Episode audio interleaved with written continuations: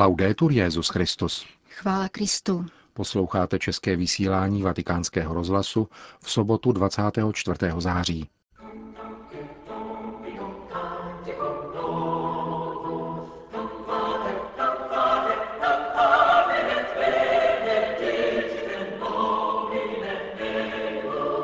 Na útoky démona lze odpovídat jedině božími skutky, odpuštěním, láskou a úctou, řekl papež František dnes dopoledne na setkání s příbuznými obětí atentátu v Nis. O přítomnosti řeholnic ve zdravotnických zařízeních mluvil svatý otec při audienci pro kongregaci špitálních sester milosrdenství. To a mnohé další uslyšíte v našem dnešním pořadu, kterým provázejí Jana Gruberová a Milan Glázer.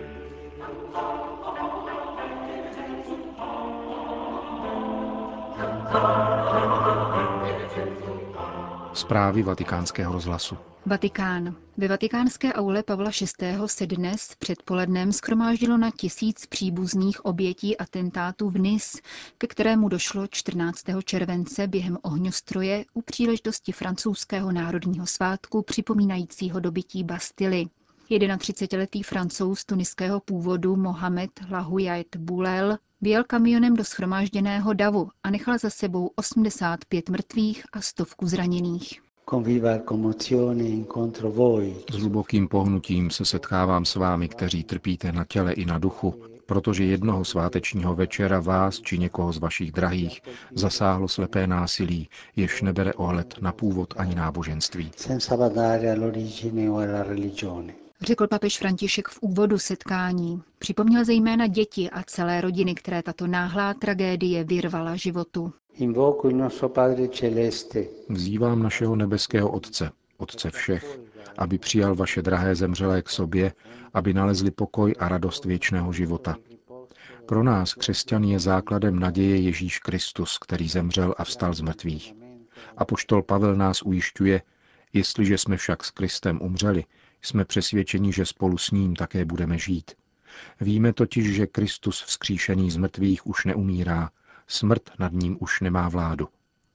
Kéž pro vás přesvědčení o věčném životě, které je vlastní také věřícím jiných náboženství, může být útěchou v životě a zakotvovat důvody k vytrvalosti a odvážnému pokračování v cestě zde na zemi. Per continuare con coraggio il vostro cammino qua giù. Modlím se k milosrdnému Bohu také za všechny zraněné, kteří byli v některých případech těžce poškozeni na těle či na duchu, pokračoval svatý otec. Vzpomněl rovněž na ty, kdo nemohli přijet, či jsou ještě v nemocnici. Ujistil je, že církev zůstává po jejich boku a prosí pána, aby jim přišel na pomoc a do srdce přinesl pokoj a bratrství. Papež poděkoval také všem, kdo bezprostředně po atentátu přispěchali na pomoc nebo projevili solidaritu a podporu. Vyjádřil rovněž potěšení nad mezináboženskou spoluprací, která, jak dodal, přispívá k ulehčení ran po těchto dramatických událostech.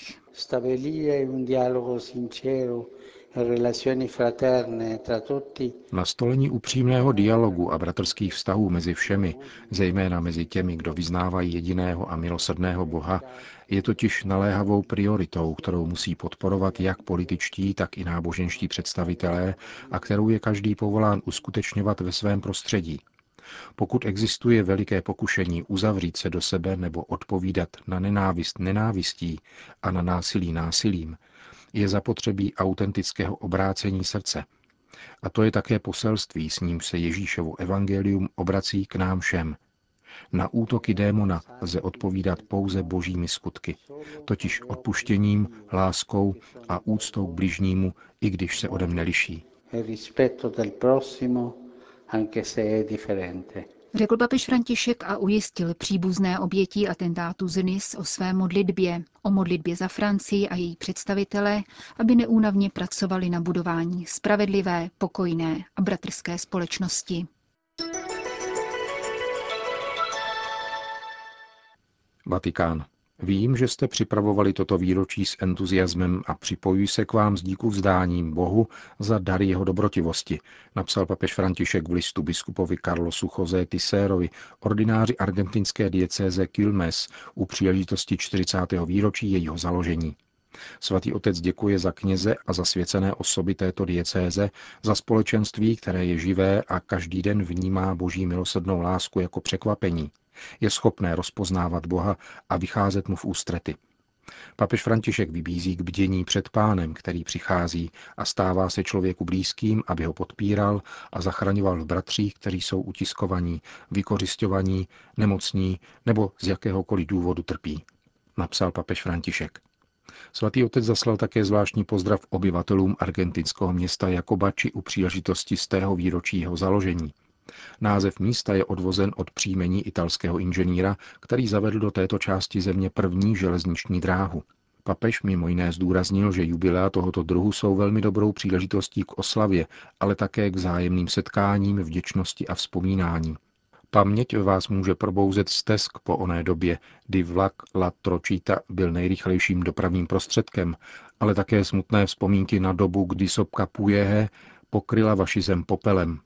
Hlasem slavení však nemá být ani smutek, ani stesk. Je třeba mít na paměti, že kreativita vždy hledá nové cesty, které vedou k druhým a z popela se rodí oblak solidarity a nové síly k další cestě vpřed. Napsal v poselství do své rodné země papež František. Vatikán.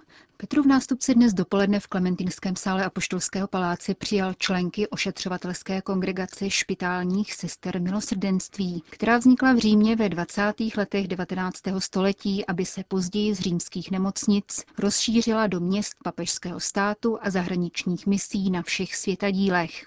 Založila ji šlechtična ze starobylého římského rodu Orsini Doria Pamfili Landi. Papež se strám poděkoval, že si za věrnosti původnímu charizmatu všímají nových forem chudoby, které přináší dnešní doba.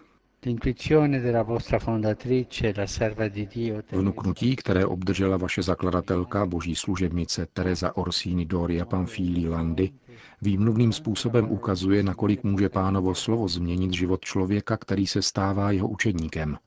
Tato šlechtična a lajčka se za podpory dvou kněží dala vést Ježíšovými slovy. Byl jsem nemocen a navštívili jste mě. Slabost působená nemocí nerozlišuje společenský stav, rasu, jazyk a kulturu.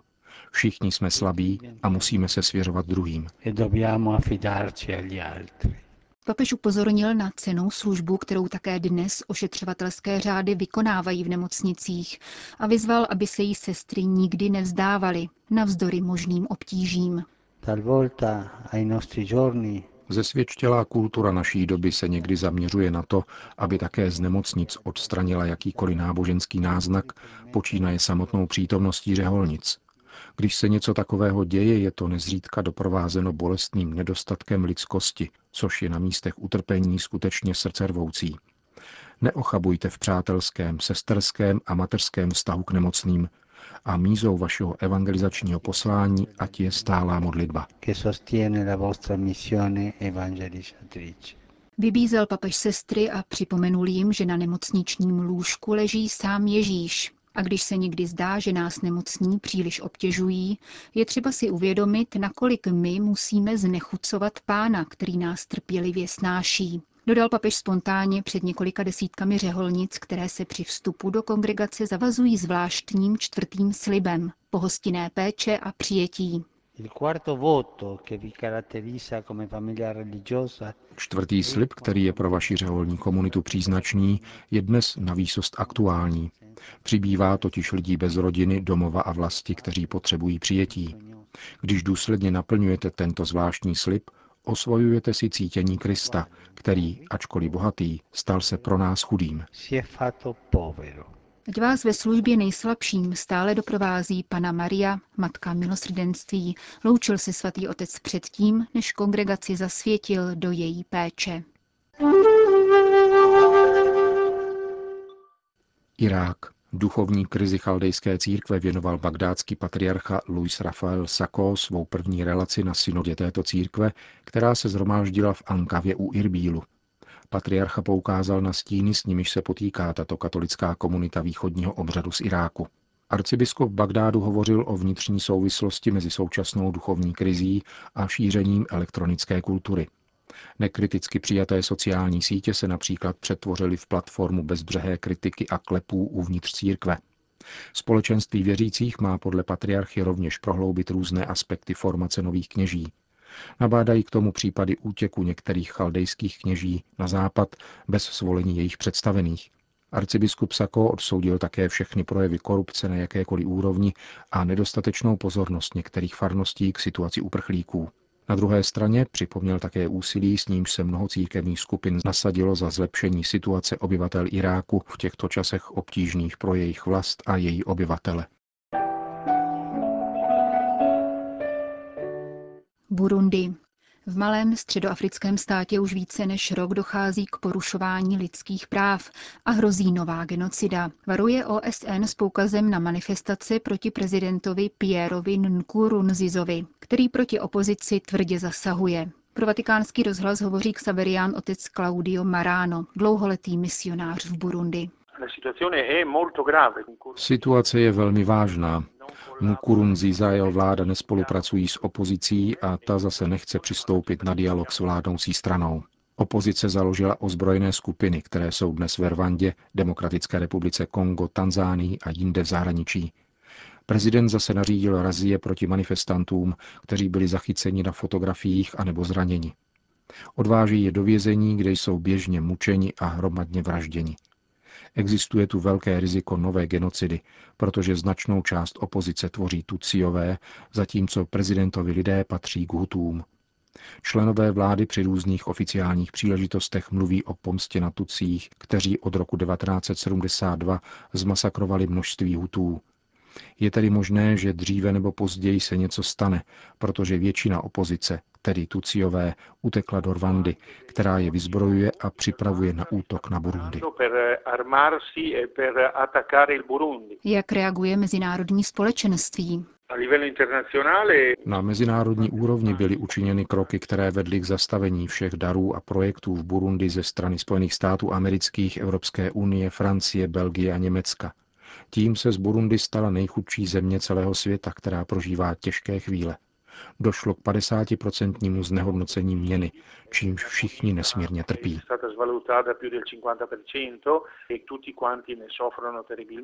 Vysvětluje italský misionář v Burundi. Indie. Masakr křesťanů, k němuž došlo v jihovýchodním indickém státu Urisa v roce 2008, byl pečlivě připraven na nejvyšší úrovni sítí hinduistických nacionalistů Sangh Parivar. Masy negramotných bojovníků byly manipulovány propagandou a vydrážděny až k vraždění. Indický novinář Anta Akara podnikl důkladné šetření, které zprostředkovalo nový pohled na protikřesťanské pogromy v roce 2008. V knize nazvané Kdo zavraždil Svamiho Laksamanda zveřejňuje fakta o pozadí tohoto činu, který odstartoval masakry a za nějž, jak je přesvědčen, neprávem odpikává trest sedm nevinných křesťanů. Vraždu jmenovaného 81-letého hinduistického lídra, k níž došlo 23. srpna 2008 v Kandamalu, následoval pogrom na křesťany, při němž asi 100 lidí přišlo o život, 300 kostelů a 6 tisíc domů bylo vypleněno a 56 tisíc lidí uteklo do lesů, aby této etnické čistce unikly. Přestože se k vraždě Laksamananda posléze přihlásila maoistická gerila, sedm křesťanů bylo v roce 2013 obviněno z vraždy a bez jakýchkoliv důkazů odsouzeno na doživotí. Anta Ankara poukazuje na netečnost institucí v této záležitosti. Národní komise pro lidská práva za 8 let nevydala jediné tiskové prohlášení o Kandamalu, cituje agentura Fides indického novináře. Sedm nevinných křesťanů ve vězení je skvrnou soudního systému země a Kandamal zůstává jizvou na tváři ulísy a laickosti Indie.